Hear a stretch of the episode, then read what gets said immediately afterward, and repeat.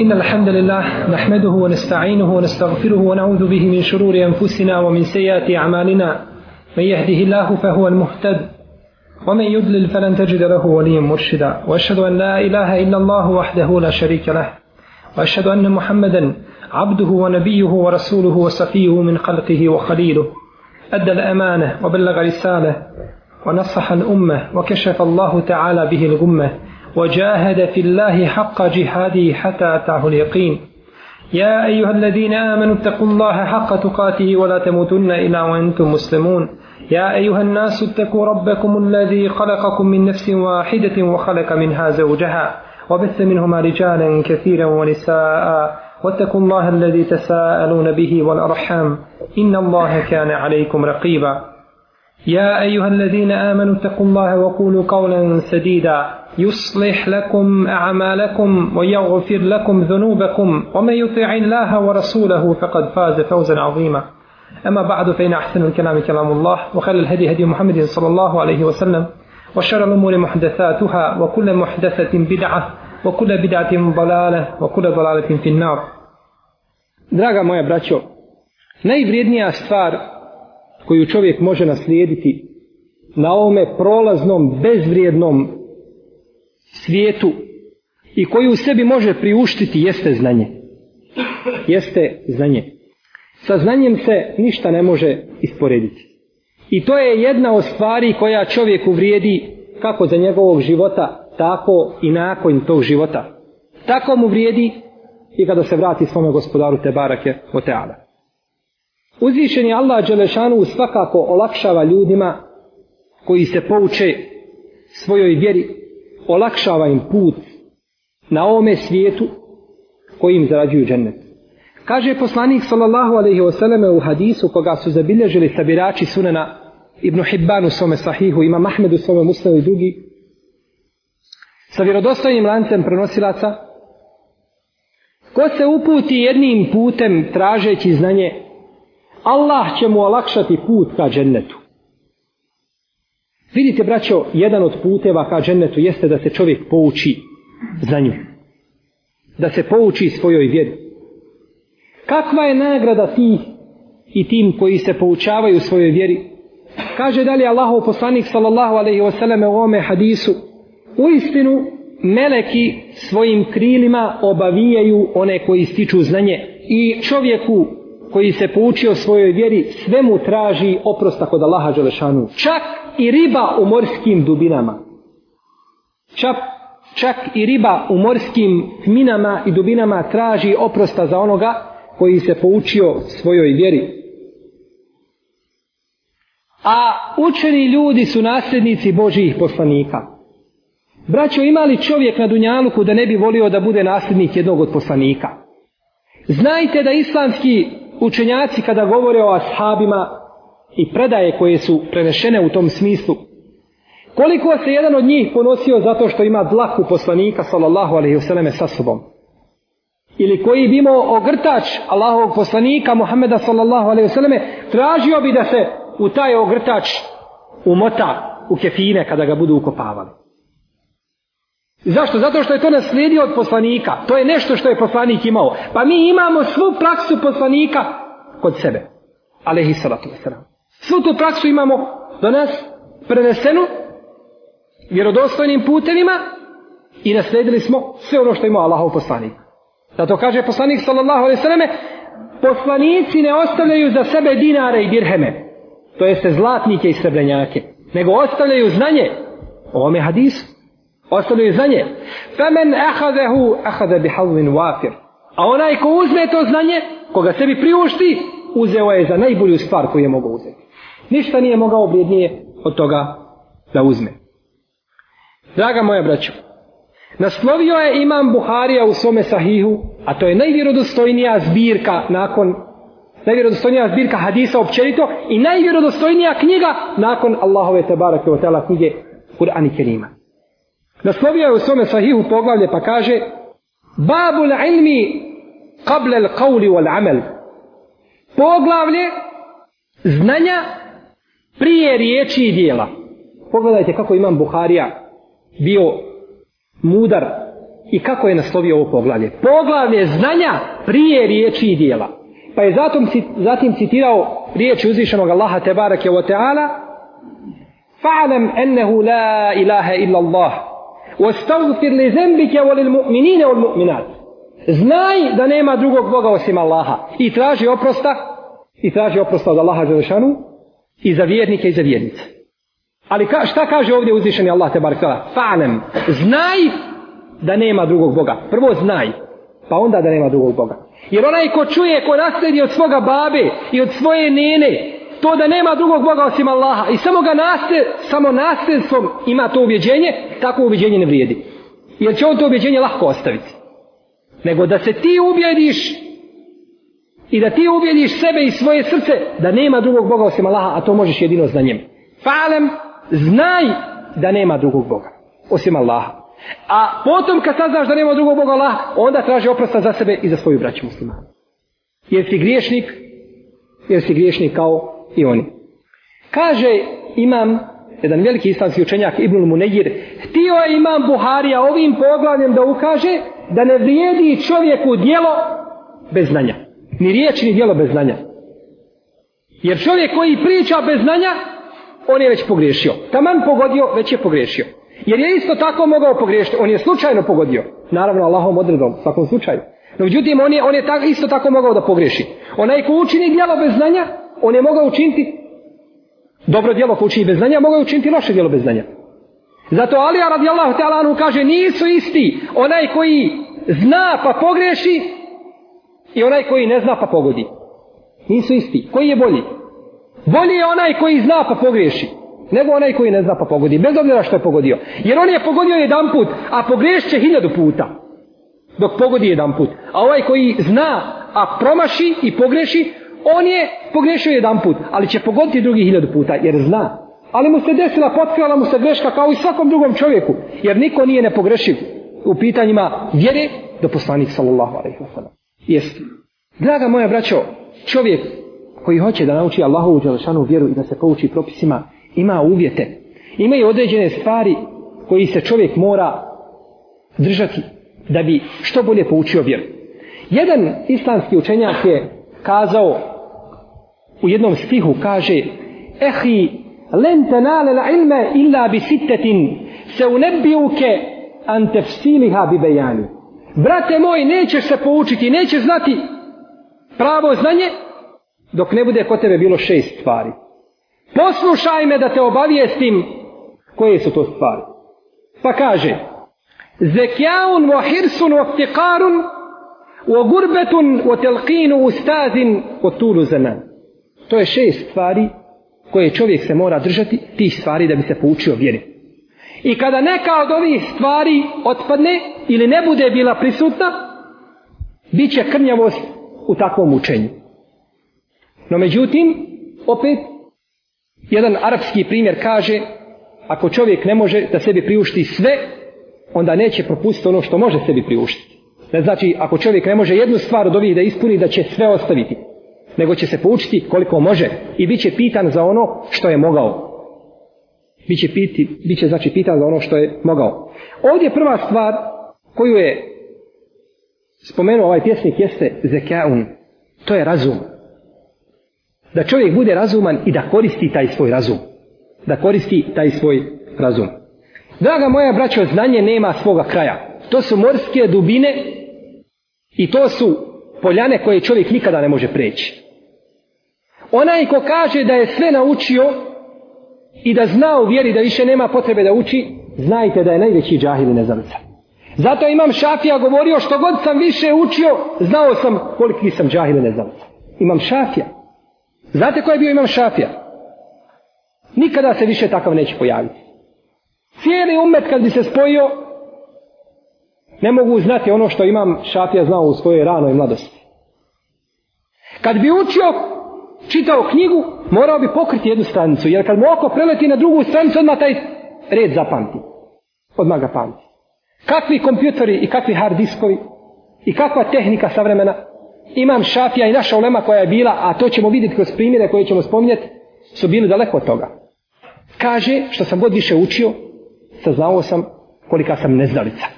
Znači, da bi čovjek počeo da uči, mora shvatiti da je znanje nešto ogromno.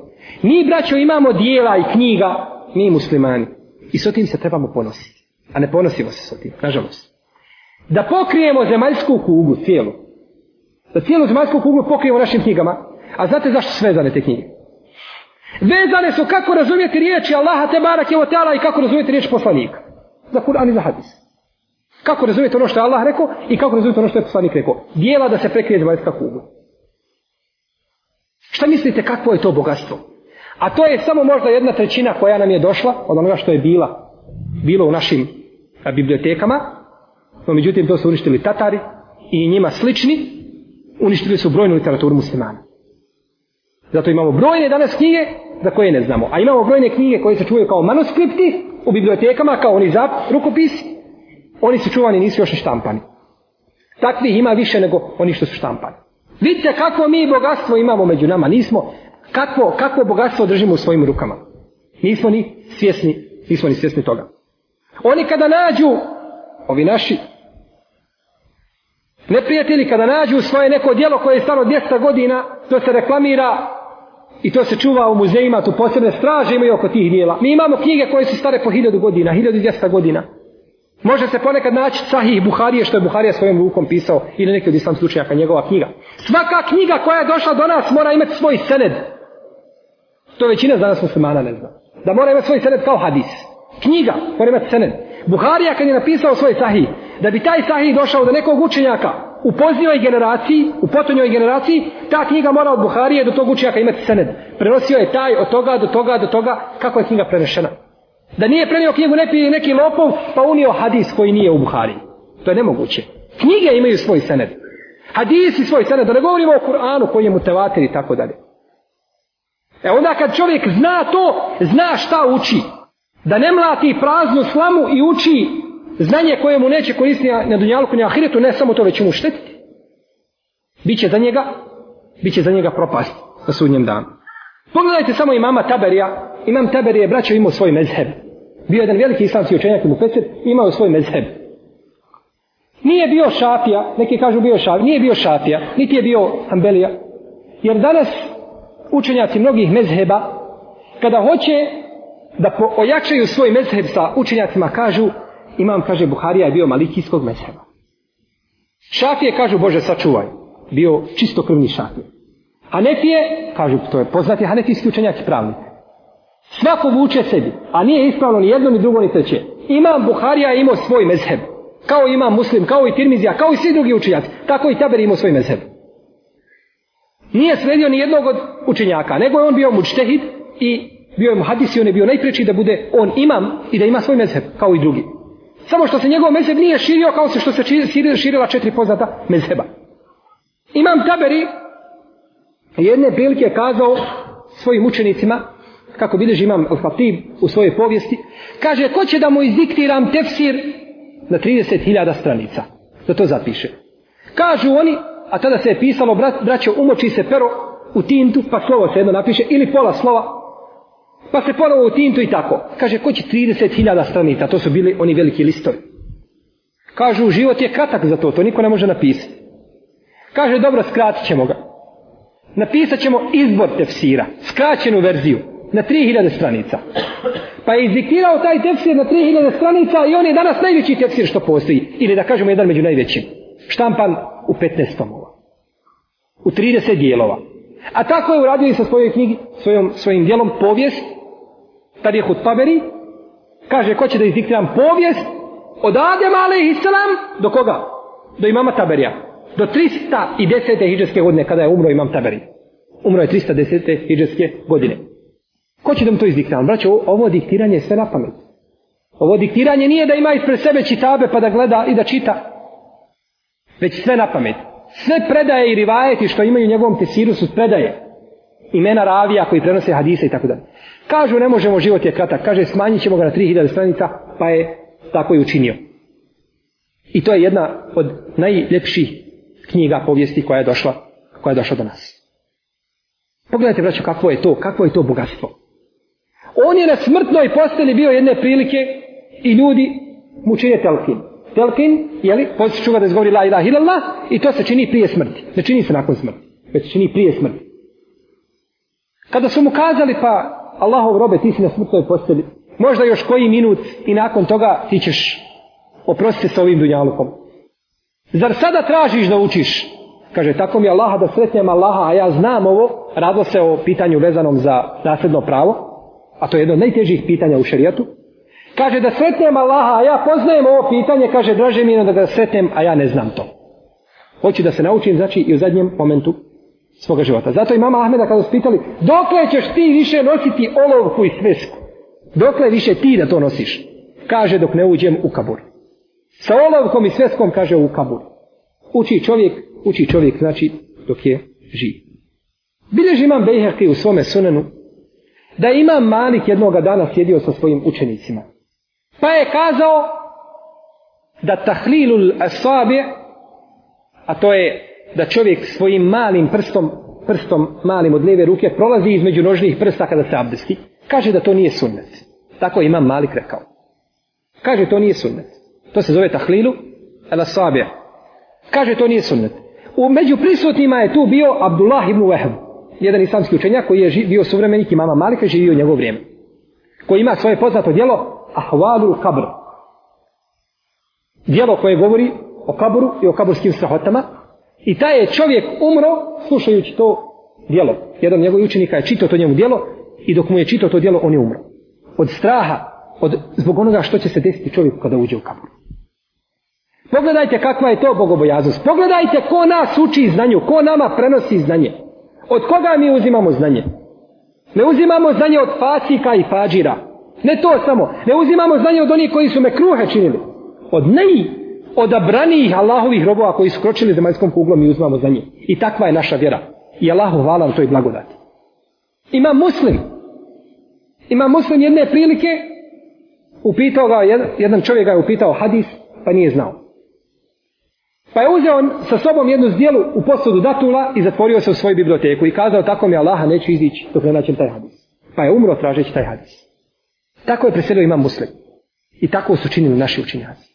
Pa kaže Abdullah ibn Wahab, imamu Maliku, kaže, kad se ljudi razišli, nije među svijetom to kazao, nije mu bio cilj da osramoti svoga profesora, svoga šefa, nego kaže, kaže, ja imam, kaže, hadis od poslanika sa osram o tome. Kaže, kakav hadis imaš o tome?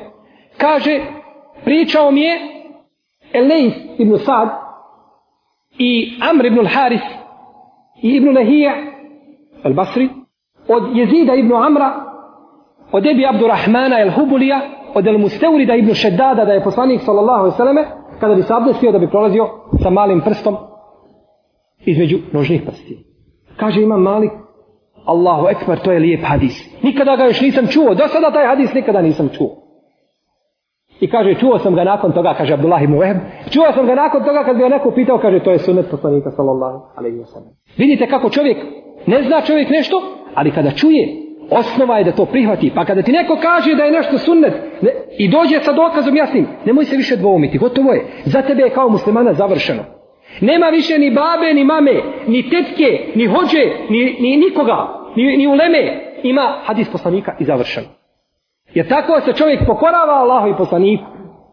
Kada dođe nešto od poslanika sallallahu alejhi ve selleme, prihvataj to. Zato šejh Ali sam ibn Kajim kaže, kada nekome dođe od poslanika sallallahu alejhi ve selleme naredba, pa on to ne izvrši, neka se kaže pripremi dobro i na sudnjem danu kako će Allah Žešan dati odgovor. Kad te Allah upita, jel ti došao hadis od poslanika, jeste gospodar, zašto nisi postupio? Pripremi Allahu odgovor. Neće koristiti svi oni koji su te odvodili, koji su te odvodili sa pravoga, sa pravoga puta. Znači, prva stvar, braćo, jeste da čovjek koristi svoj razum. Svoj razum. Druga stvar koju je spomenuo ovaj pjesnik ovdje jeste El Hirs, a to je brižnost za sticanjem znanja, da bude čovjek bližan. Pogledajte samo Ibn Aqila el-Hambelija, to je jedan veliki islamski učenjak, pravnik, on je imao svoje dijelo koje se zove Kitabul Kunun, koga je napisao u osam stotina dijelova. U osam stotina dijelova. Kaže, spominje Ibn Ređep u svome dijelu Zedu Tabakat, kaže, vidio sam čovjeka koji je vidio, koji mi kaže da je vidio 400 i neki dio od te knjige.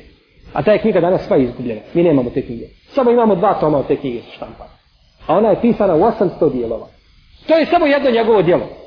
I što sva njegova djela? To je jedno njegovo djelo koje je napisao. Pa možete onda zamisliti, možete onda zamisliti kakav su oni trud ulagali u ovu vjeru i u očuvanje ove vjeri. Isto tako, od brojnih učenjaka se prenose stvari koje kada slušamo braćo, nas, naš razum ih ne može, ne može ih povjerovati.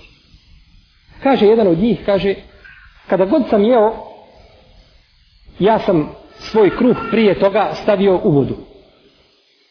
Stavio sam svoj kruh u vodu, da mi ne bi bilo i da mi ne bi žvakanje kruha oduzelo vrijeme. A kaže u Bejd, Ibnu Jaiš, moja mi je, kaže, sestra 30 godina žvakala hranu. 30 godina mi žvače hranu i kada sažvače zalogaj, onda mi ga stavi u usta, ja ga samo progutam ne moram se patiti da ja žvačem hranu. Jer to vrijeme dok žvačem, to me uzima i ne mogu učiti i ne mogu sticati za nje. A kaže isti ovaj Ibn Aqil, kaže kada god bi se protegnuo na zemlji da malo opustim svoje tijelo, kaže ja bih razmišljao šta ću dalje pisati. Pa kada bi ustao, onda bi dalje nastavio, nastavio bi da piše. Prenosi se od Ebu Hatima Razija jednog velikog islamskog učenjaka, muhaddisa, da je izišao jedne prilike da stiče znanje. Pa kaže, dnevno su oni braćo pristvali između 13 do 15 predavanja su imali dnevno. Pa bi po danu slušali, a po noći bi to prepisivali. Ono što slušali, to bi prepisivali. Pamtili bi to i prepisivali. Pa nisu imali vremena, znači dan zauzeti sa predavanjima, a noć sa pisanjem. Jer ako propusti se jedan dan, dođe drugi dan, već se nagomila gradiva i više se to ne može prepisati. Kaže, mi smo slušali po danu predavanja, po noći i prepisivali. I nismo imali kada, nismo imali kada jesti. Kaže, sedam mjeseci nisam pojeo ništa što je čorbasto. Nego uvijek suha hrana. Suh, kruh i datule. Kaže, jedne prilike smo kaže, čuli da je naš šeh da se razbolio. Da se razbolio. Kaže, pa nam je bilo s jedne strane drago, kupili smo sebi ribu, da je, kaže, ispečemo i da je pojedemo, da je skuhamo. Kaže, samo što smo stavili ribu u vodu, kažu, došao je, kaže, šeh, kaže, ozdravio je i, kaže, bit će ponovo predavno. Kaže, pa smo uzeli ribu onako prijesnu pojeli. Prijesnu ribu pojeli i, kaže, otišli smo ponovo, nastavili dalje sa predavanjem. A kaže Ibnu Haraš, Kaže, pet puta sam vlastitu mokraću pio na putu sticanja znanja. Iziđe čovjek u pustinju sa devom i treba ponekad prevaliti po hiljadu kilometara na devi, kroz pustinju. Ne može toliko vode ponijeti sasvom što treba. Kaže, pet puta sam bio prinuđen da vlastitu mokraću pijem.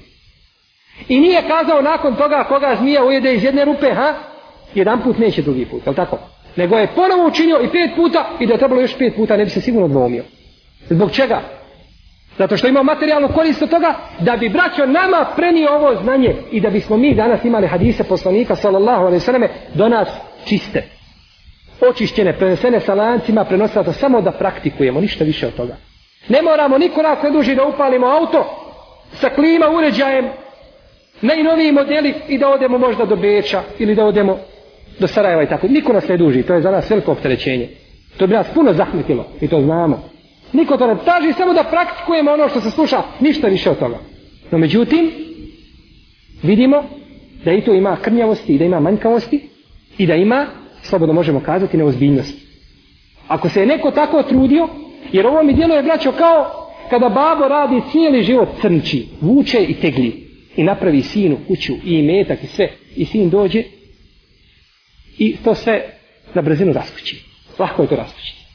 Lahko je ostaviti treba to održati i treba to dalje generacijama prenijeti, treba tu kuću unučetu ostaviti, lako je raskućiti. Tako i mi imamo jedan veliki emanet na našim leđima, ali nije emanet i metka i kuća i građevina izdanja koja se lahko mogu praviti. To je emanet dina i emanet vjere koji smo stavili na svoja leđa. Čovjek dok je kazao la ilaha ila Allah, na njegovim leđima ima emanet vjere, tio ili ne tio. Više ne može kazati pa nema, gotovo je ti se odlučio, ti si svoju pripadnost odredio i ti se moraš nakon toga shodno tome ponašati obhoditi.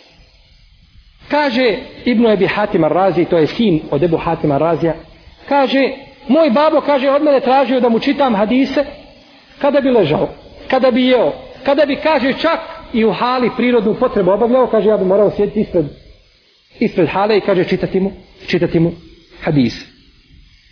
A bilježi se od Ebu Bekra, El Hatiba, El Bagdadija i Dare Kutnija, Alija ibn Omara Dare Kutnija, da su išli ulicom i čitali. Kad hoda neko da čita. Neki od njih bi hodajući, čitajući knjigu, ponekad bi u rup neko na put upao i tako dalje. Čitajući, koristeći, znači koristeći to, koristeći to vrijeme. Kaže šehol Islam ibnul Kajim u svome dijelu Luabilu Sajib, Kaže šehol Islam Ibn Tejmije, njegov učenj, učitelj profesor, je kaže za jedno veće prepisivao ono što mora čovjek prepisivati sedam dana.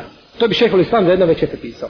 Braćo, nekada davno nije bilo štamparija, pa da naručite 50 komada takve i takve knjige, 100 komada takve i takve knjige, onda se to proda po nekakvoj ovaj cijeni, sniženo i tako dalje, lahko doći do literature.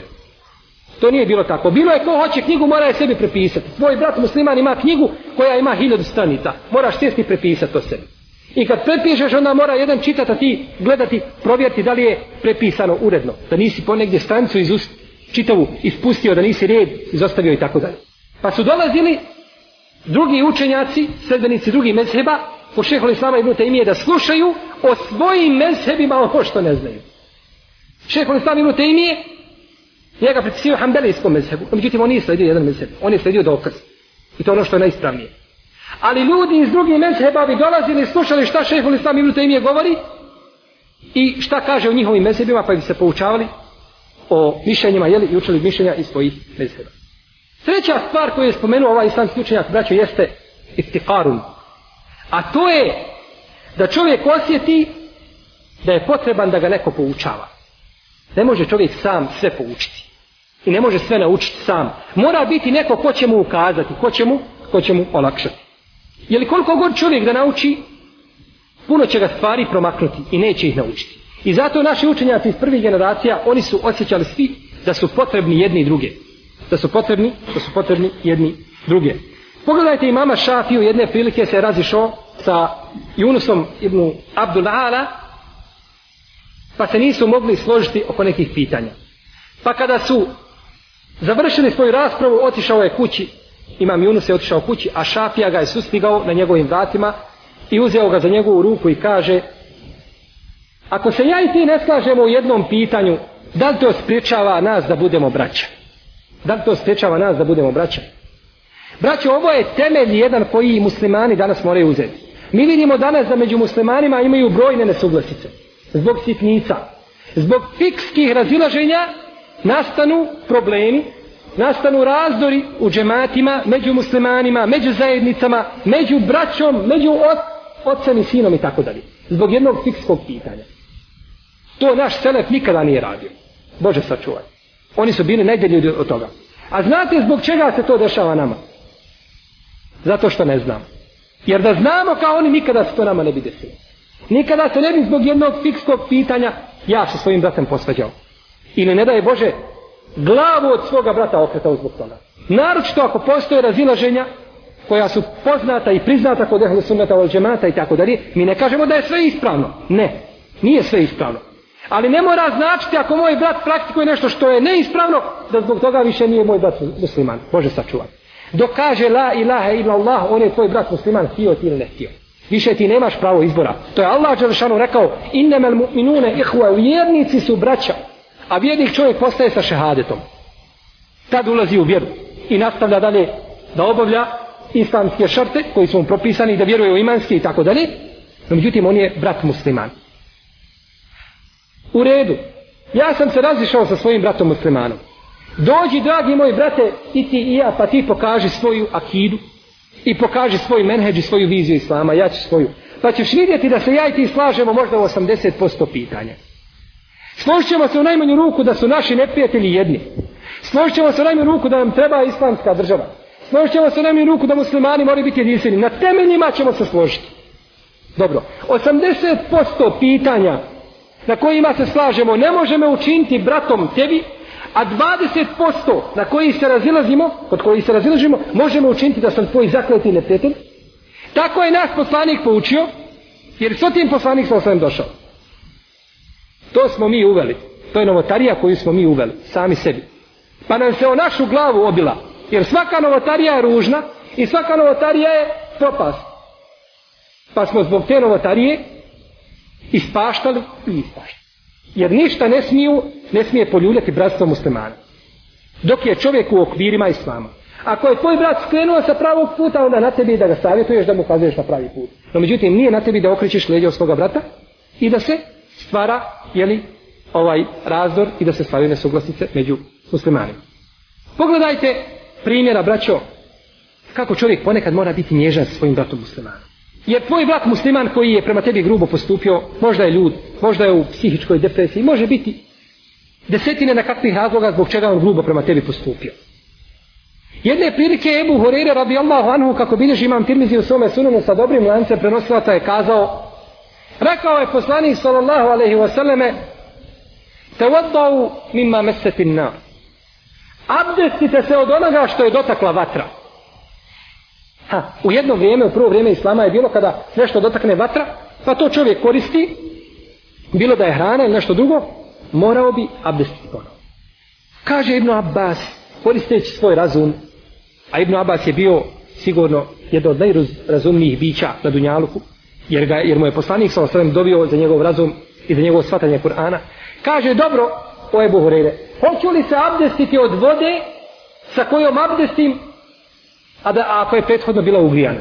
Hoću li se abdestiti zbog tople vode, jer toplo je vodo da takla vata, pa ja se abdestim toplom vodom, hoću li se zbog tog, zbog te tople vode, ponovo još jedan put abdestiti? Pa mu kaže Ebu Hureyre, kaže, bratiću moj, kaže, vidite braćo kako uljudno Ebu Hureyre i kako na blag način odgovori Ibn Abbas. Al kaže bratiću moj kada ti spomenem hadis poslanika sallallahu alaihi sallam nemoj koristiti svoj razum gotovo poslanik ti rekao za tebe je završeno kako je mu Bekr kada, kada su rekli došli mu i kažu ovaj tvoj prijatelj govori da je bio iza sedam nebesa i kažu da je bio gdje kod Bejtul Maktisa da je bio kudcu i da je vidio kudc i kažu da je išao negdje gore čuješ ti to je Bekre Kaže mu Bekr, ako je on to rekao, sigurno je, kaže istina. Gotovo. Ako je to poslanik rekao, nemam ja više nakon toga da koristim svoj ražu, razum. Ako je hadis vjerodostojan, praksa potvrđena, gotovo. Kaže, ako on to rekao, kaže, to je sigurno istina. Jer kaže, ja njemu vjerujem više od toga. Ja vjerujem da mu objava dolazi sa sedam nebesa. Pa zašto da mu ne vjerujem to da je mogao preći u jednoj noći? Pa su došli poslaniku pa kažu, hajde Muhammeda da vidimo jesi bio. Opiši nam Bejtulma. Opiši nam kakav je. Čovjek kada je prošao kroz jedno mjesto, ušao u džamiju, izišao kada ga neko, neko pitao, može li on svaku sitnicu pisao, to je nemoguće. Kaže poslanik, kaže, pa sam se uplašio, kaže, kao nikad u životu.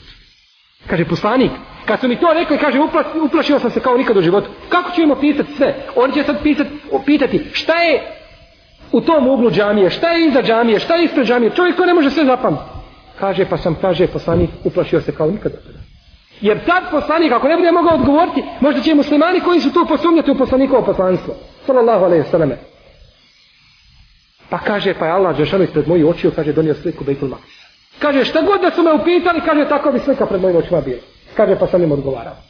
Kaže, pa nakon više toga nisu imali, nisu imali riječi, nisu mogli progovoriti. A znali su da poslanik nikad prije toga nije išao u Bejtul Maksis. Znali su da nije imao mogućnosti da odgovori na takav način i tako preciznim odgovorom, A oni su ga i detalje najsitnije pitali, osim pobjeve Allaha Đališ. Zato, draga moja braćo, čovjek mora, znači, imati nekoga ko će ga poučiti, ko će mu govoriti, ko će mu ukazati na pravi put. Mora imati svoga šeha. Naši braćo učenjaci koji su bili, oni su uzmali znanje od svakoga. Mi znanje braćo uzmamo istinu zato što je istina, a ne od koga dolazi. Mi imamo danas skupinu muslimana koji kažu Ne, ja samo uzimam za nje od toga i toga i toga i napravi po imenu. Kad mu kažeš pa dođi čuj i drugu stranu što kaže neko, on to ne smije doći, ne smije slušati. Tako su radili mušici.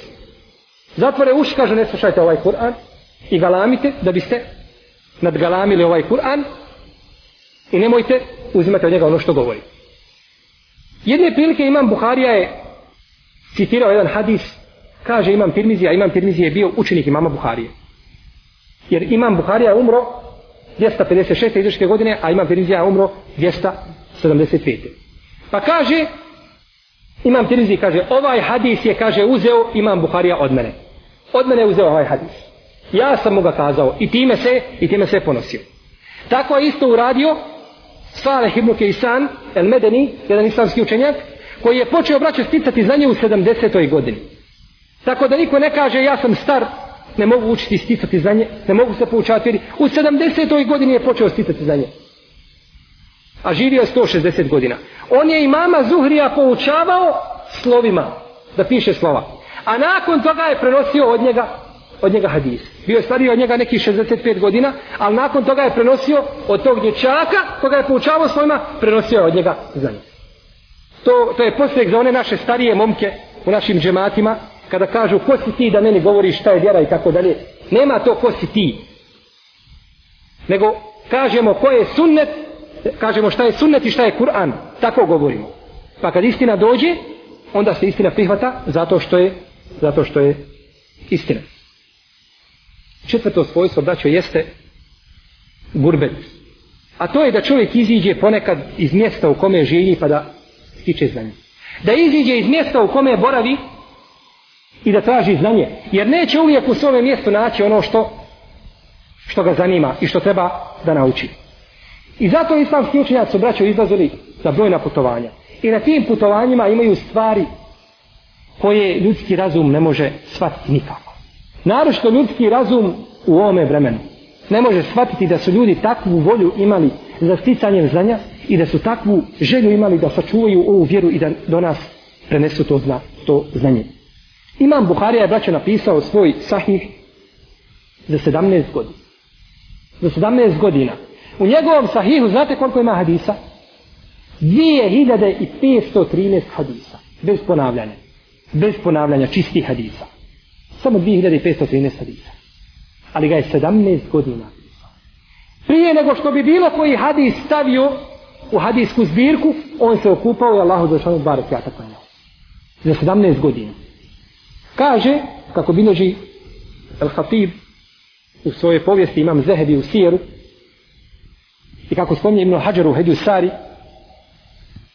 kaže imam Buharija izabrao sam ove 2513 hadisa od 600.000 hadisa koje sam imao ispred sebe 600.000 hadisa sam imao i od tih hadisa sam izabrao ovaj svoj sahih koji sam stavio jeli, u ovu zbirku jedne prilike došao imam Buharija u Bagdad kada su došli, počeli su pričati o imamu Buhariju.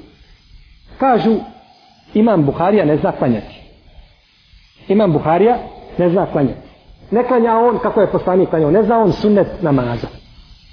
Kada je to došlo do imama Buharije, kaže imam Buharija, tako mi Allaha, kaže. Na ome mjestu na kome sjedim, sad vam mogu, kaže, deset hiljada hadisa kazati o namazu, prije što ustane. Deset hiljada hadisa sve o namazu. Imam Buharija ne zna klanjati desetina, sa lancima, braćo, nije to hadis, to je hadis sa lancima prenosilaca.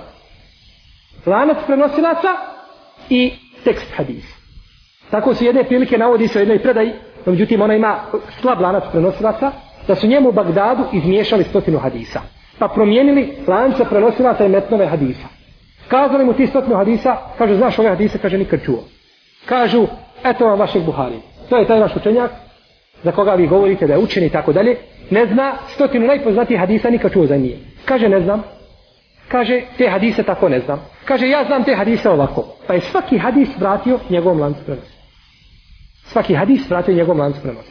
Pa su onda shvatili da je on imam. I zato imam muslim jedne prilike kada su bili, radilo se o hadisu onome kefaretul međlis kada se ustaje jednog međlisa, kada se čini ona doba i uči se za kefaret, bila je mahana u tom lancu prenosilaca pa je kazao imam muslim, kaže, o imamu, a to je bio njegov profesor Buharija, šef njegov, o imamu svih imama u hadisu. Kaže, reci nam, kaže, kakav je problem u ovom hadisu. Pa imam Buharija odmah kazao.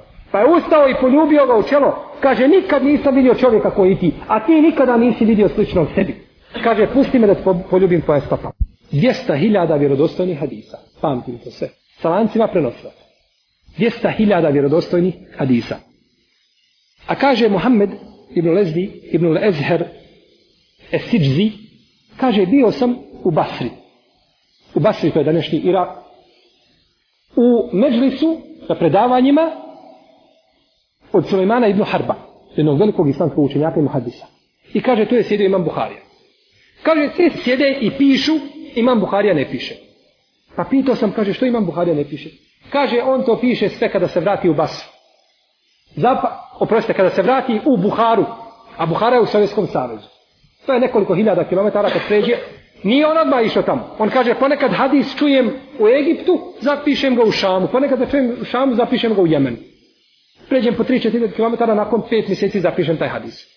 Pa onda recite mi, kakvi su to kompjutori danas koji pamte ono što pamti naša ulema?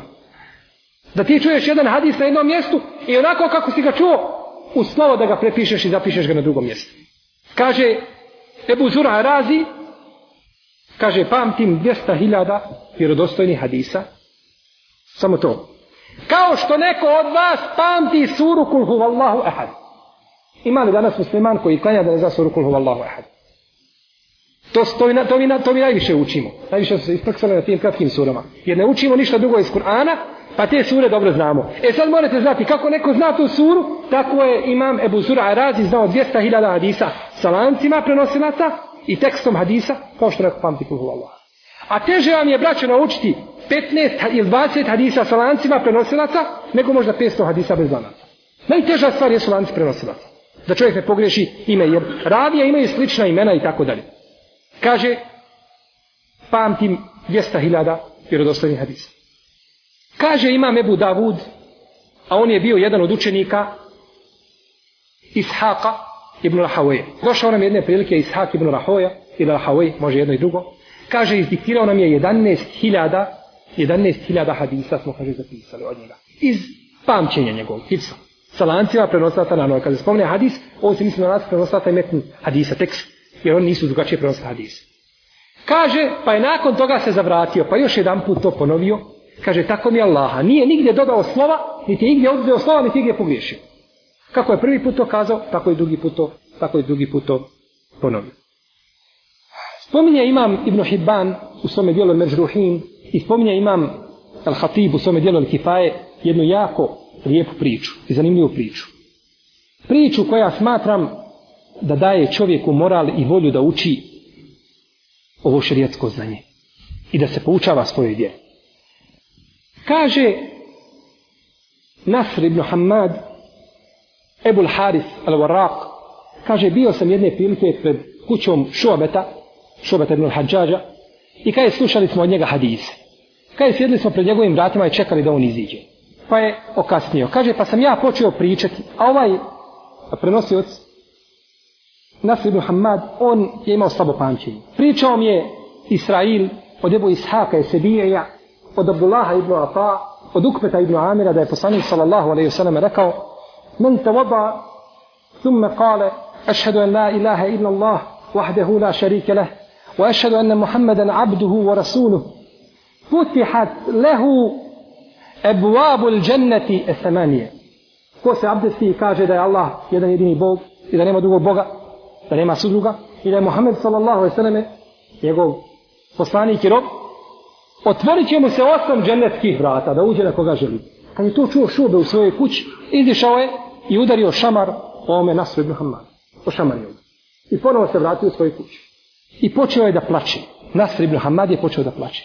Kada je ponovo izišao šube iz svoje kuće, kaže, što je ome što plače? Kaže Abdullah ibn Idris, jedan od islamskih učenjaka koji je bio prisutan tu, kaže, kako ne bi plakao kada si ga udario? Plače zato što si ga udario? Kaže, on je lud on je, kaže, budala. On ne zna šta priča. Ja sam, kaže, o tome hadisu pitao Ishaka Esebijeja, Ebu Ishaka Esebijeja, pa je rekao, pitao sam ga, da li si čuo taj hadis od Abdullaha ibn Ata'a? Kaže, pa se ne ljutio. A ovaj Ebu Ishak Esebijeji, on je bio mudelis. A mudelis znači da je izbacivao iz lanca prenosilaca određene ravije. Pa bi tako očistio od da se na prvi pogled, kada se pogleda, se misli da su sve ravije vjerodostojne. Kaže, Pa sam ga pitao da li je to čuo od Abdullah ibn Ata pa se razljutio. Kaže, pa sam znao da je izbacio neke prenosioce. Kaže, Misad ibn Kirdan, Ebu Selemet el Kufi, jedan od prisutnih, zvali su ga Mushab, zbog jačine ljepog kipsa. Kaže, šobe, idi, kaže, u Meku. Abdullah ibn Ata živi u Mekini, pa ga pitaj. A ovaj živi u Basri. To je 3000 km po današnjim mjerilima. Idi iz Basre u Meku, pa ga pitaj. Kaže, pa sam dočekao vrijeme hađa. Pa sam, kaže, krenuo na hađ. Ne zanima mene, kaže, hađ. Mene zanima hadis. On je hađa obavio. I on je hađio već jedan put. Sad je hađ njemu sunnet. Kaže, mene zanima hadis da provim. Kada sam, kaže, došao u Meku, našao sam Abdullaha ibn Ata. Pitam ga hadis o abdestu. Jesi li ga čuo od Ukbeta ibn Amira? Kaže, nisam. Čuo sam ga, kaže, od sada ibn Ibrahima el Medenija. Jednom kadije koji je bio u Medini. Od njega sam ga čuo. Pa sam tražio sada Ibn Ibrahima, pa ga nisam našao. Toga kad je u Medini. Kad je, pa sam našao imama Malika. A imam Malik je bio u Medini. Kaže sad, vaš kadija sad, kaže bi došao na hađu ove godine, kaže on nije. Ove godine, kaže nije obolio hađu. Kaže, pa sam završio hađ i meke ponovo za Medinu. To je braćo na devi. Na devi zbog jednog jedinog hadisa za Medinu. Kaže, kada sam došao u Medinu, našao sam Sada ibn Ibrahim al-Medeni, ja pitam ga hadis abdesta, od koga si ga čuo? Jesi li ga čuo od Abdullaha, od Ukveta ibn Amira? Kaže, nisam, kaže. Taj hadis je od vas izišao, od vas je došao. Kaže, čuo sam ga od Zijada ibn Mihraqa, el Basrija. Opet sada iz Medine za Basru, nazad. Kada je došao u Basru, kada je ušao kod Zijada ibn Mihraqa, el Basrija, kaže mu, hadis abdesta, od koga si ga čuo? Kaže mu ovaj, up, uh, idi kaže okupaj se, idi se kaže kakav si došao, prljav se od puta, idi se kaže okupaj i dotiraj se pa mi onda dođi. Kaže pa sam otišao, dotirao se, presvukao odići i ponovno došao. Hadis abdesta, jesi li ga čuo od Ukmeta ibn Amira? Kaže nisam. Čuo sam ga, kaže, od Šahra ibn Haušeba. Kaže, čuo sam ga od Šahra ibn Haušeba. A Šahra ibn Haušeb ga, kaže, nije čuo od Ukmeta ibn Amira, nego ga je čuo od Ebu Rejhane, Abdullaha ibn Matara al-Basri. Vidite lanac prenosilaca, u kome je fale četiri ravije. Četiri ravije ispale iz tog lanca. Ispao je Sad ibn Ibrahim el Medeni. Ispao je Zijad ibn Mihrak. Ispao je Šehr ibn Haušer. Ispao je Ebu Rehane, Abdullah ibn Matar. Četvorica pale. Zbog jednog hadisa ovaj islamski učenjak je obišao nekoliko hiljada kilometara. Zbog jednog jedinog hadisa. A kaže nakon toga, kaže ne vrijedi ovaj hadis, slabije. je. A kaže, tako mi Allaha da je ovaj hadis vjerodostojan, bio bi mi draži, bio bi mi draži, kaže, i od mene, i od moga imetka, od moje porodice. Samo da je ovaj hadis ispravan. A znajte, braće, da je hadis ispravan. Znajte da je hadis ispravan. Hadis bilježi imam muslim u svome sahiju od Omera radijallahu anhu. Imam šobe nije znao za ovaj drugi put hadisa koji je vjerodostojan, on je znao za ovaj lanac prostaca koji je prekinut. No međutim, hadis je vjerodostojan. Hadis je vjerodostojan. Da li je taj hadis muslimanima današnjice? Ko se abdesti i samo jednu dovu prouči Allah mu ostan dženecki vrata otvori. Da uđe na koja že, hoće u džennet. Je li teško doći do dženneta? Pogledajte kako, Allah, kako je Allah milostiv prema nama. A kako mi nismo milostivi prema sebi. To sigurno možemo se. Nismo milostivi prema sebi jer bi sigurno uzeli ovakav plijen. Ovo je plijen u našim rukama. Danas čovjek ima auto, ima telefon, ima faks, ima internet, ima, ima, ima i opet snađe ga takav nemar i takva lenost da nije spreman da okrene broj telefona i da nazove i da pita za jedan šarijatski propis. Nego učini pogrešno, pogrešno, pogrešno i onda nekaj kaže kakav je sad propis, kako se izvući iz ovoga. To si živ bio shodno onome što imaš trebao davno da znaš i da, i da upitaš. Islamski učenjaci, naš selef, naši prethodnici, da su veliki trud uložili u očuvanje ove vjere, da ona bude do nas prenešena ispravnim vjerodostojnim putevima sačuvana u originalnim hadijskim zbirkama pazili su na svako slovo koje se prenosi i koje se piše. Stoga na muslimane današnjice pada velika obaveza, a posebno na muslimansku omladinu. Zašto kažemo i zašto potenciramo omladinu? Jer je omladina ta koja je pomogla poslanika sallallahu alaihi wasallame i omladina je ta glavna okosnica u svakom društvu na kojoj i na čijim leđima leži glavnina tereta ove vjere. Jer stariji ljudi i starije generacije po svojoj prirodi, ponekad po oronulosti svoga tijela i brojnim drugim faktorima, elementima koji utječu, ne mogu da ponesu teret vjere.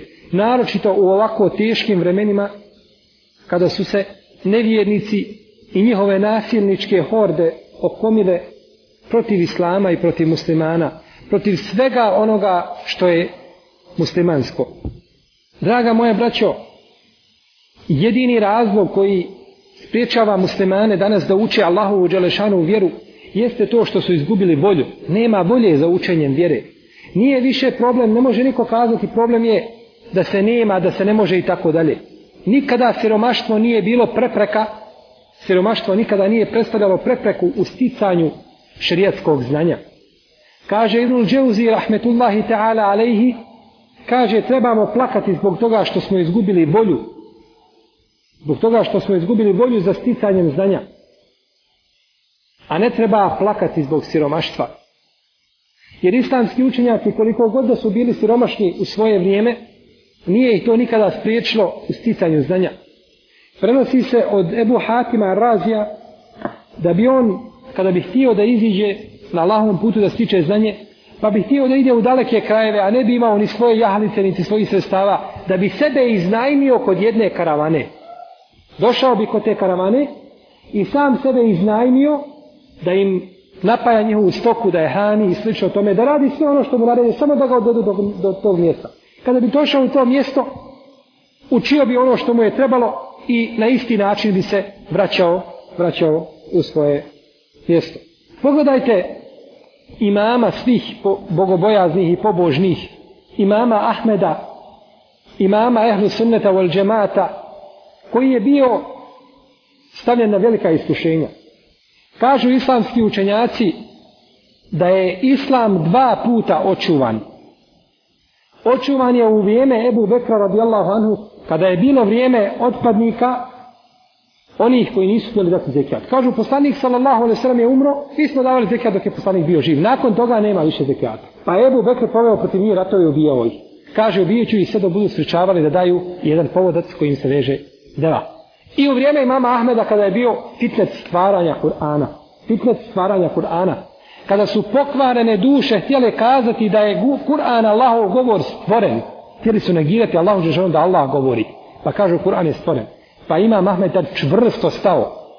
Kaže se da su stotine hiljada ljudi čekale šta će ima Mahmed kazati.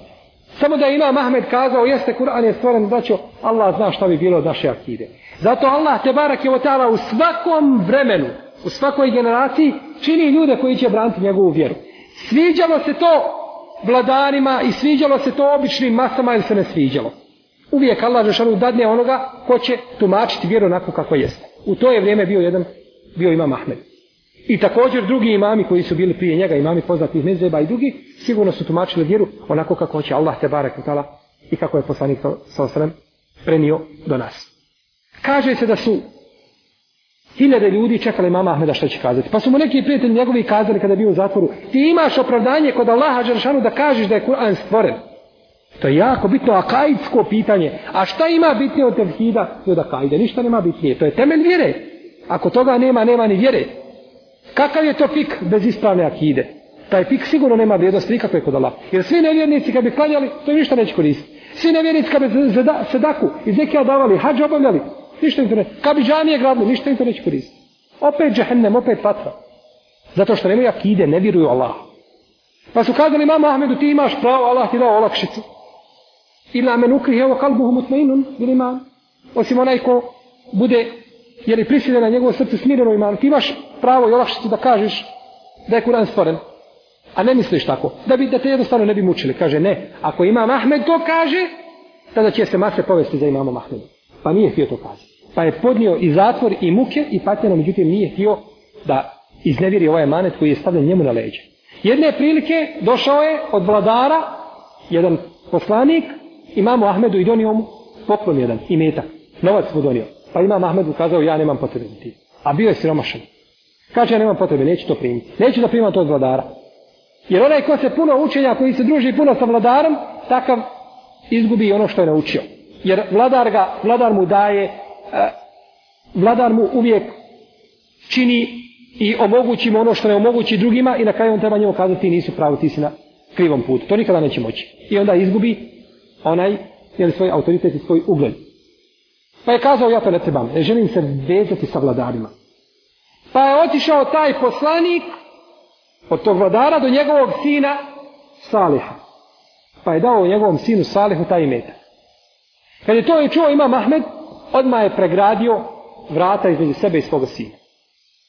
Zato što njegov sin primio taj imetak, pregradio je ta i zazidao je ta vrata. Bio je prolaz jedan između njegove sobe i sobe njegovog sina, no međutim kada je to čuo, odmah je zazidao ta vrata. Pa je poslao jedno dijete da donese od njegovog prijatelja, da donese malo pšenice da sebe napravi kruh. Nije imao kruha u svojoj kući, ali nije htio primiti taj metak od vladara. Kada je otišao, kada je otišao da donese i donio ta, to brašno, njegova žena je zamijesila kruh i nakon kratkog vremena mu donijela gotov ispečen kruh. Kada je to vidio, ima Mahmedu pitao je odakle, odakle je ovaj kruh. Kazala je to je, kaže, iz Salihove furne. Salihova furna je bila vruća, pa sam stavila ispeka taj kruh. Pa je odbio da ga jede. Zato što je njegov sin Salih primio taj metak od tog vladara. Nije htio da primi to, znači, od svoga sina. Iako nije bilo smetnja u tome da primi, znači, taj metak od svoga, od svoga sina. Draga moja braćo, mnogi ti učenjaci nisu imali prilike da sebi nabave osnovnu literaturu nisu mogli lahko jednostavno doći do literature. Nisu mogli lahko jednostavno doći do literature. Prenosi imam Zehebi u svome dijelu Sijeru Alaminu Bela da imam Bejherti nikada nije vidio sunen Tirmizije, niti sunen Nesaije, niti sunen Ibrumađe. Samo je vidio sunen Ebi Davuda, jer je sunen Ebu Davuda i od njega prenosi brojne hadise, no međutim ove, ove druge sunene nije ih nikada svojim očima nije ih nikada svojim očima vidio. Peta osobina ili peto svojstvo koje je spomenuto u ovome stihu koga smo citirali jeste telkinu u stazi. Da čovjek ima nekoga ko će ga poučavati. Da ima znači jednog učitelja, daju, šeha i tako dalje, profesora, koji će ga poučavati, koji će mu govoriti o vjeri i ukazivati mu na njegove, na njegove propuste. Jer prvo, ono od čega se može okoristiti čovjek od onoga koga poučava vjeri jeste da ćemo skratiti njegov put. Skratit ćemo njegov put.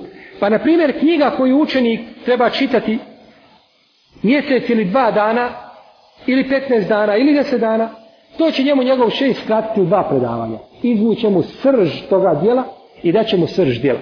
I dobit će ono što se nalazi u toj knjizi na jedan veoma lagahan i efikasan način. Zato su brojni islamski učenjaci pravili skraćene verzije knjiga. Skraćena verzija, na primjer, Tefsira ibn Kesira, koji je prevedena na naši jezik. Možda onu opširnu verziju, mnogo ljudi ne bi htjeli čitati kad je vidi koliko je opširna i koliko tu ima predaja i tako dalje, već uzimaju ono kratko. Znači, samo uzimaju srž, uzimaju srž znanja. Druga stvar jeste što će taj čovjek, taj učitelj, ukazati njemu na stvari koje on neće moći shvatiti. Ovo se naročito odnosi na literaturu koja je rađena na arapskom jeziku. Imate dosta puta u knjigama se mogu naći izrazi učenjaka koji se ne mogu lahko razumjeti. Pitate, na primjer, učenjaka šta misliš ti o tom i tom raviji? Kaže, on je šeipan. Kažu, on je šeipan. Šta znači to? Šta znači to on je šeipan? Znači da je fasik, fađir, pokvaren, ne uzma od njega hadise, je li tako? Nije tako. To znači da je šeitan, to znači da je najučeniji čovjek i da od njega treba njegove hadise uzeti. Mi kada bismo to mjerili sa našim razumom, mi bismo kazali to je šeitan, da Bog sačuva, bježi od šeitana. No međutim, šeitan ovdje znači znako šeitan. Jer šeitan je jedno najučenije Allahovi bića. Koliko on živi, koliko miliona godina on živi i uči. I zna dobro kako će sina Adamovog zavesti. Zato niko neka ne kaže, ne može meni šeitan ništa, mašala. Šeitan, koliko god ti da bio učen, ti nisi ni približno učen koliko šeitan i kakve on metode ima i kako da zavede sina Ademu. Kaže on je šeitan. To znači po našim mjerilima ne vrijedi. I sad ko bi našao o jednom ravi i nađe hadis i lanac prenoslata u kome ima jedan ravija, jedan prenosilac, imamo je tako i tako. I nađe tamo u biografiji njegovoj da je jedan od učenjaka Imam Buhari rekao za njega da je šeitan. Kaže, vidiš da hadis nije ispravan. Hadis od najispravnijih hadisa. Znači mora biti neko ko će to objasniti. Što znači ta riječ? Ili drugi upita šta misliš o tome ravi, on pokaže ovako na stub u džami. Stub ima u džami, on pokaže rukom i ušut. Šta znači to? Da je tup i glup kao taj stub, ništa ne pamti? Ili znači da može podnijeti teret i da je jak u hadisu kao što je taj stub? Šta znači to? Ili drugi kažu, kakav je taj ravija, kažu zmija. Šta znači zmija? Zmija je nešto pogrdno. Poslanik sam se naredio da ubijamo zmije. Dok je vidiš odmah ubi. I to je i badet Allahu da je ubije. Što ti je poslanik naredio ubijaj. Mi smo, jo, nismo se kaže poslanik sa njima pomirli od kako smo im rat objavili. Bliži Buharija. Dok je vidi čovjek ubijaj. I kaže poslanik onaj ko se boji njihove osmete. Što mi kažemo što god više zmije ubijaš. Ovaj, imaćeš problema sa njima. Kaže taj nije od nas. Ko se toga boji taj ne pripada vam sunne. To se reći poslanika u sebi od svojim hadisma zbirkama. Kažu zmija. Šta znači zmija? Zmija. Ista stvar, koji kod šeitan? No međutim, oni kažu zmija, znači ovdje kao zmija u dolini, ne da nikome prići. Taj čuva hadis poslanika kao zmija, kada čuva dolinu. Niko to ne može prići. Ne može niko prići hadisu poslanika, sada sram, i unijeti nešto u hadis ili natrunuti sunnet, a da ga on neće čuvati, da neće paziti. I tako dalje. Znači, brojne te izreke mora biti neko ko će pojasniti, ko će pojasniti čovjeku šta znače, šta znače te skraćenice i šta znače te stvari. I treća stvar kojom se može okoristiti učenik od svoga profesora jeste njegov ahlak i njegovo ponašanje. I to je ono što su islamski učenjaci koristili.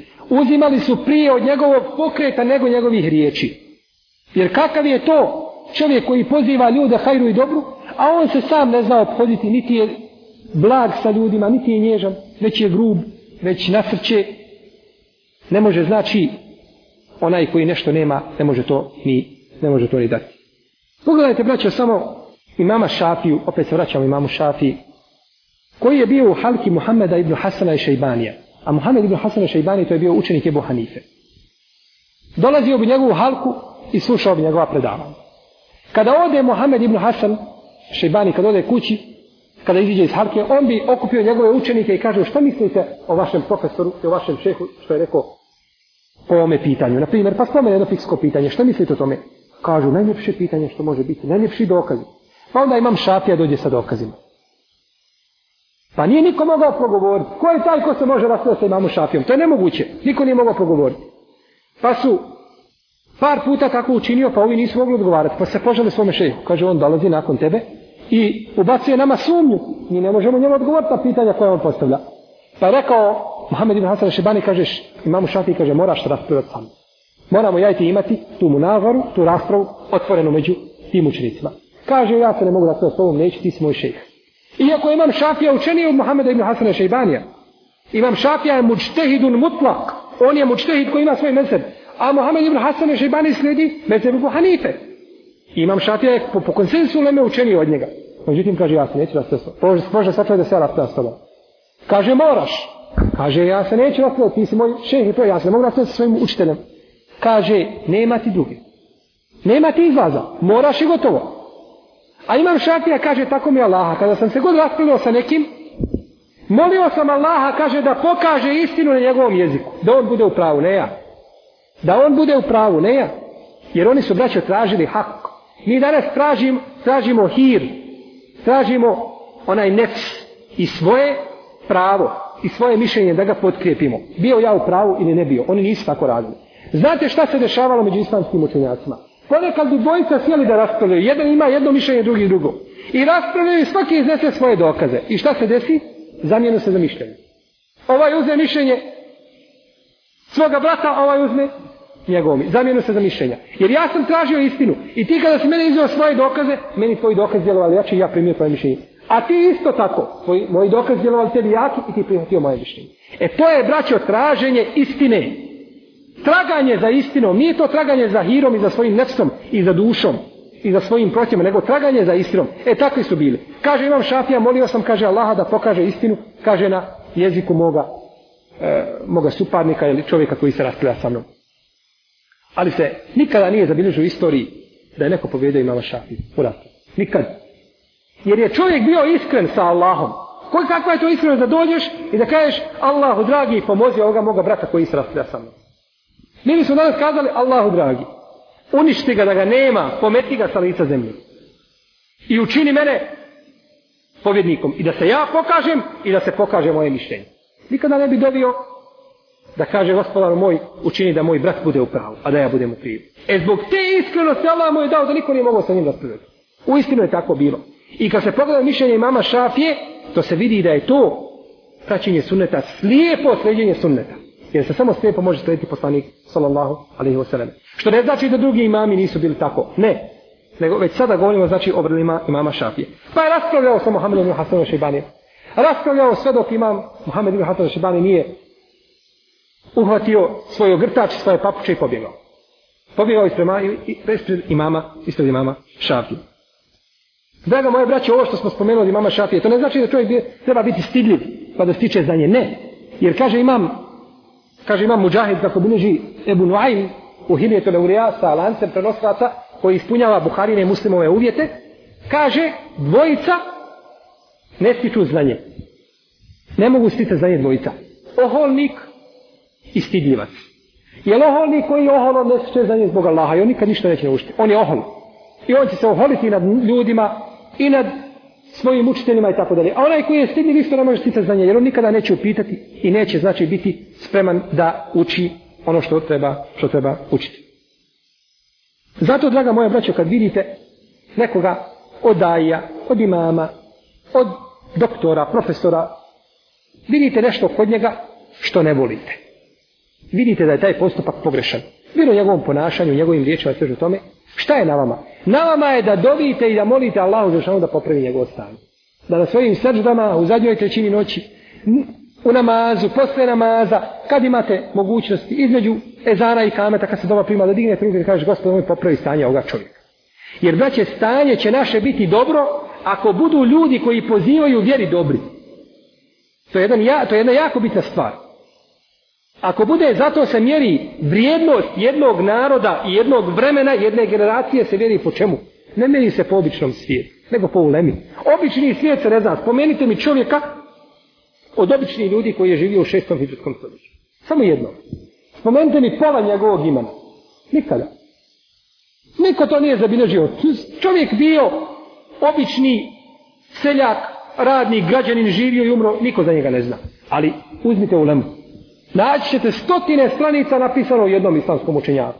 O najsitnijim stvarima kako je radio, gdje je išao, kuda je prolazio i tako sve će naći o njemu. Jer se mjeri ispravnost jedne generacije i vremena, mjeri se po ulemi, ne mjeri se po običnom svijetu. I zato ako je ulema dobra, sigurno će biti, sigurno će biti i stanje u tome narodu bit će dobro. Kaže Imam Ahmed 30 godina nakon smrti svoga učitelja mama Šafije, a imam Šafija bio učitelj mama Ahmeda. Pogledajte ti zlatni generacija. Imam Šafija je umro 204. hiđanske godine, a imam Ahmed je umro 241. 30 godina 30 nešto godina živio nakon svoga šeha. Non stop, kaže, nikada, kaže njegov sin, Saleh, kaže, nikada nije pao na seždu, a kaže da nije dobio šafiji i tražio njemu oprsta. Pa sam više kazao, ma ko je taj šafija više? Ko je taj više? Nije on mislio ko je šafija, je poznat u, u cijelom svijetu. No, međutim, hoće kazati kakva je veličina tog imama kod tebe kada ti njemu nostom tako doviš. Kaže, kako, kakva je veličina? Kaže, pa bio je ko sunce među zvijezdama. Sunce, može li zemlja bez sunca? Kaže, a ima li suncu zamjene? Može li to neko da dođe da kažemo mjesec može imati ulogu sunca? Nikada. Jer da nema sunca, sve bi se zaledlo, gotovo. Nema života na planeti. E, kaže, takav je šafija bio. A može li se, kaže, suncu naći zamjena? To jeste, ima li drugog šafije? Nema. Niti će ikada doći drugi šafija. Kaže, imam šafija, a imam šafija, braću, bio učenik imama Malika. Imam šafija, bio učenik imama Malika. Imam Malik je umro, koje godine? 179. godine. Ovo, braću, pamtite. Ove, ova imena i ove godine smrti i rođenja. Ovo pamtite, to je naš selet.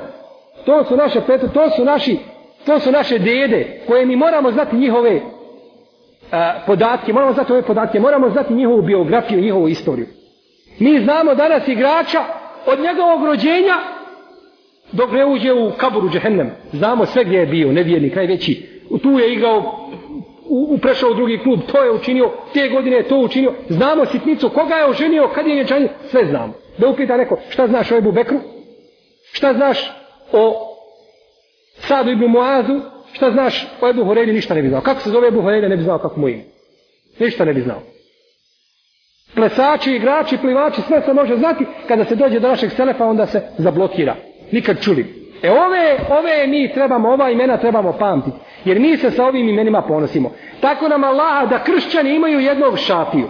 Vi ne biste mogli putovima proći od njihovih od njihovih spomenika koje bi im plecali, od kipova koje bi pravili za njih. Ne biste mogli prolaziti. Na svakom mjestu biste imali njegov kip.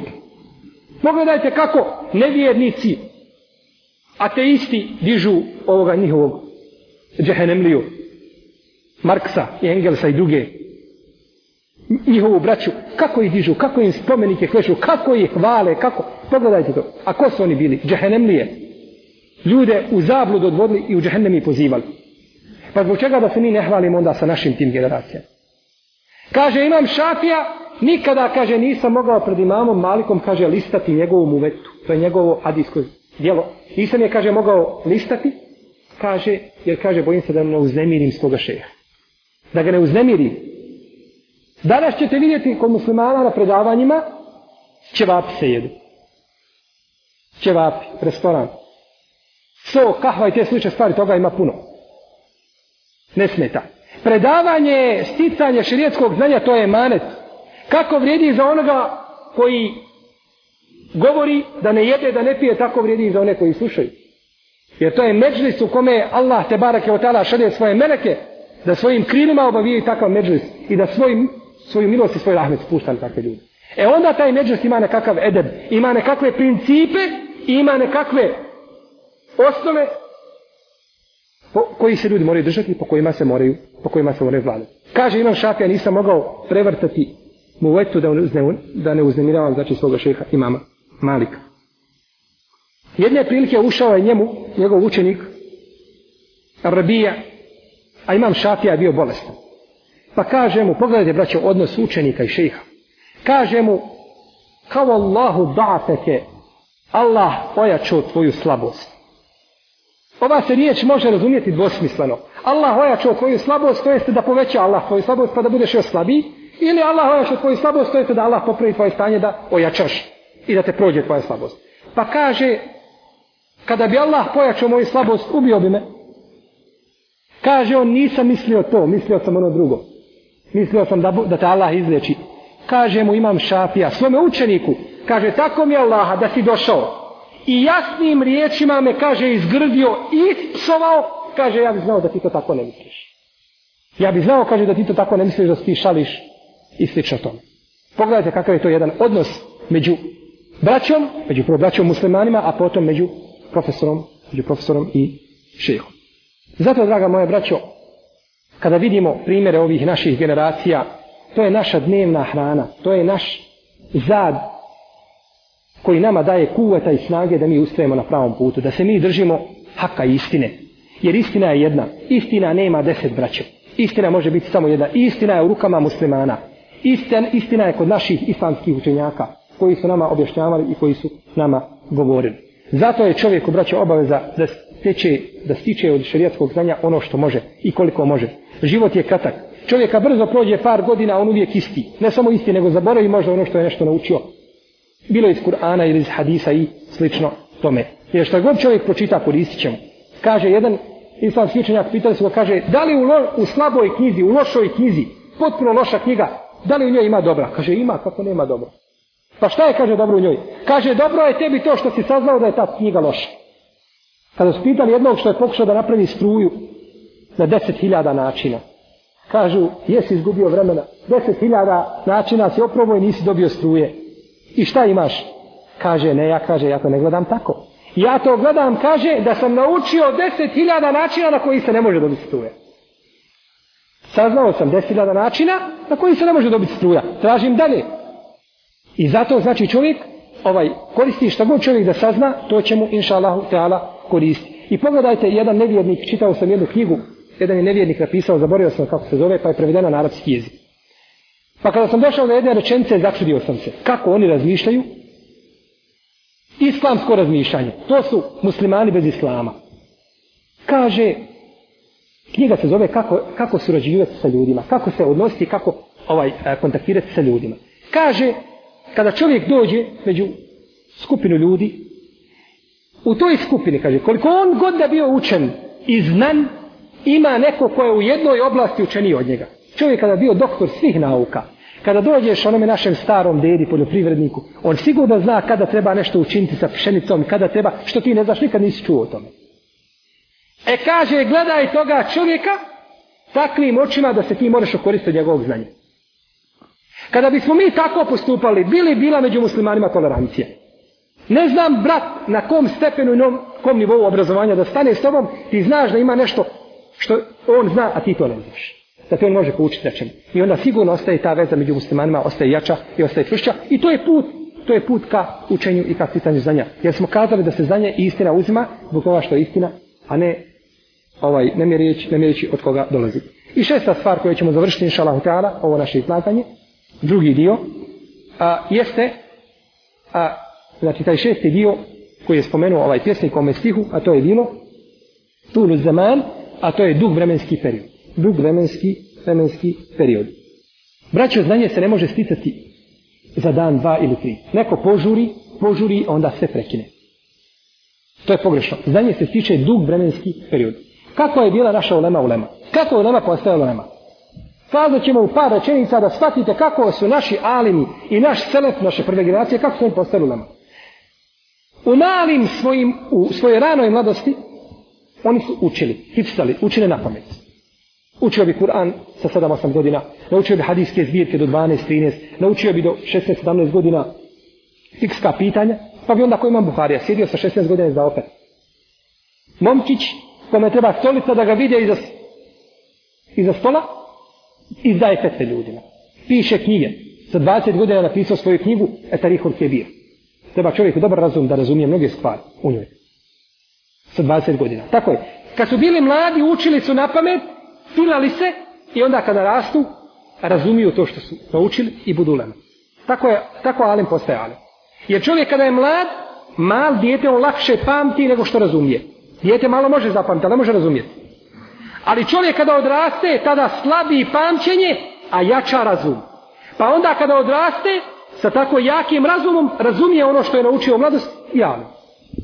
I postaje alim. Što nam neminovno ukazuje na obavezu odgajanja naše djece i poučavanja naše djece. Ako hoćemo da ih odgojimo, onda moramo djecu odgajati i generaciju odgajati. Moramo znači generaciju odgajati.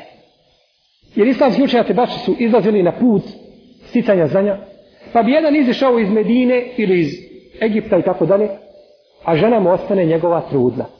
Trudna žena. I ode sticati za njim. I ostane u tom mjestu gdje je otišao da stiče znanje i za njim dođe njegov sin od 18 ili 20 godina. Pa i on stiče znanje sa svojim babom. Nije trčio, trčao svoje ženi. Mi neka mi on opravdava ovaj postupak. I ne kažemo da treba tako raditi. To nije sunnet da se tako radi. Ali vidite tu željnost za sticanjem znanja čovjeka odvoji od porice. Ne zanima ga više ni žena, ni dijete, niko. Zanima ga znanje. I onda njegov sin dođe, a majka ta poštena žena odgoji to dijete pa kaže idi za svojim babom i ti uči ono što on uči. Žrtvuj se. Pa i ona sa budle. Pa onda svi imaju kod Allaha, svi imaju kod Allaha nagrade. Zaista braće ove generacije zaslužuju da je Allah digne na takav stepen. Pogledajte ashaabe, za 24, 23 godine, za nepunju četvrtinu stoljeća, Allah im dao šerijatsku zemlju, otvorio im zemlju od početka do kraja. Mi danas za 23 godine ne možemo jedan bidat koji se uvuka u našu vjeru da ga promijenimo. Za 23 godine ne možemo pozvati par članova iz svoje porice, ne možemo uvesti islam i objasniti vjeru i tako dalje. Najsvjetio stvar ne možemo raditi. A njima Allah dao šarijetsku državu otvorio zemlju od istoka do zapada. Bili su gazde i vladari na zemlji. Zašto? Pa zato što su se tako odnosili prema vjeri. Zato što jedan od njih kaže, bio sam trećina islama. Bio sam četvrtina islama. To jeste četvrtina islamskog tereta je bila na mojim plećima, na mojim leđima. Jer sam smatrao ako ja ne pomognem vjeru da je niko neće pomoći. I tako muslimani trebaju gledati. Ako ja ne naučim i ako ja ne pomognem islam, nikoga neće pomoći, islam će propasti. E tako treba gledati. A ne treba gledati ako ja ne, ne uradim i ne učinim, ima moj brat, on je aktivan, on je vrijedan, on je dobar, maša Allah, sve će on to uraditi. I onda bude pitanje prebacivanja odgovornosti i na kraju ostane stvar jelava, ne uradi. Znači, obaveza je svakom muslimanu da stiče od znanja ono, onoliko koliko može. A draga moja braća, da bi se znanje sticalo i da bi se ljudi poučavali vjeri, moraju ljudi imati nešto što ih veže. Što ih veže na jednom mjestu. Znanje se ne može sticati po kućama i odvojeno i raštrkano, neorganizovano, već se znanje može sticati zajednički, u zajednici. Da ima jedna ustanova, jedan centar koji veže muslimane, a to su džema, džemati muslimana muslimani da bi svoju vjeru osigurali i svoje stanje i odgoj svoje djece moraju imati džemate jake. U džematima obrazovane ljude koji su poučeni vjeri koji će odgajati te ljude i odgajati njihovu djecu. Samo se tako može raditi. Drugačije se ne može raditi. Kada će muslimani jednom shvatiti da ne trebaju biti njihove džamije pod kirijama i u šupama, nego da njihove džamije trebaju biti prostorije velike gdje se mogu projekti raditi, gdje se može medresa škola otvoriti. To muslimani o tome trebaju razmišljati. Ne treba da mi samo da nam je otvoriti džamiju 20 kvadrata, samo da se džuma može klanjati. To je primitivno razmišljanje. To je razmišljanje koje neće utoliti klad. Vidite u kakvim se i u kakvoj se situaciji muslimani danas nalaze. Je li zavidan nivo obrazovanja muslimana? Je li zavidan njihov, njihov udio kod drugih umeta i drugih naroda? Da li se njihova riječ sluša? Ništa. Ništa kada će muslimani početi jedan put razmišljati da moraju popravati svoje stanje. Ne vrijedi tapkati, ne vrijedi tapkati uvijek u jednom mjestu. Zato, draga moja braćo, obaveza nam je, dakle, da pomognemo naše džemate i zajednicu muslimana i da smatramo da su ti džemati naši domovi, da su ti džemati naše ustanove koje odgajaju našu djecu i da će iz ti džemata uz Allahu te barake od tala pomoć izlaziti generacije muslimana koji će ako Bog da inša Allah biti bolji od nas. Molim uzvišenog Allaha te barake od ta'ala da se okoristimo od onoga što smo čuli. Da nas učini od onih koji uče i praktikuju ovu vjeru. Da nam najboljim učini naša zadnja dijela da nas spoji u džernetu sa našim poslanikom Muhammedom sallallahu alaihi ve selleme iskrenim, dobrim i šehidima. Da pomogne muđahide muslimane koji se bore za izdizanje Allahove džaršanu riječi na svakom mjestu na zemaljskoj kugli i da nas svi počesti šehadetom na njegovom putu. Osallim Allahuma ala nabina Muhammed.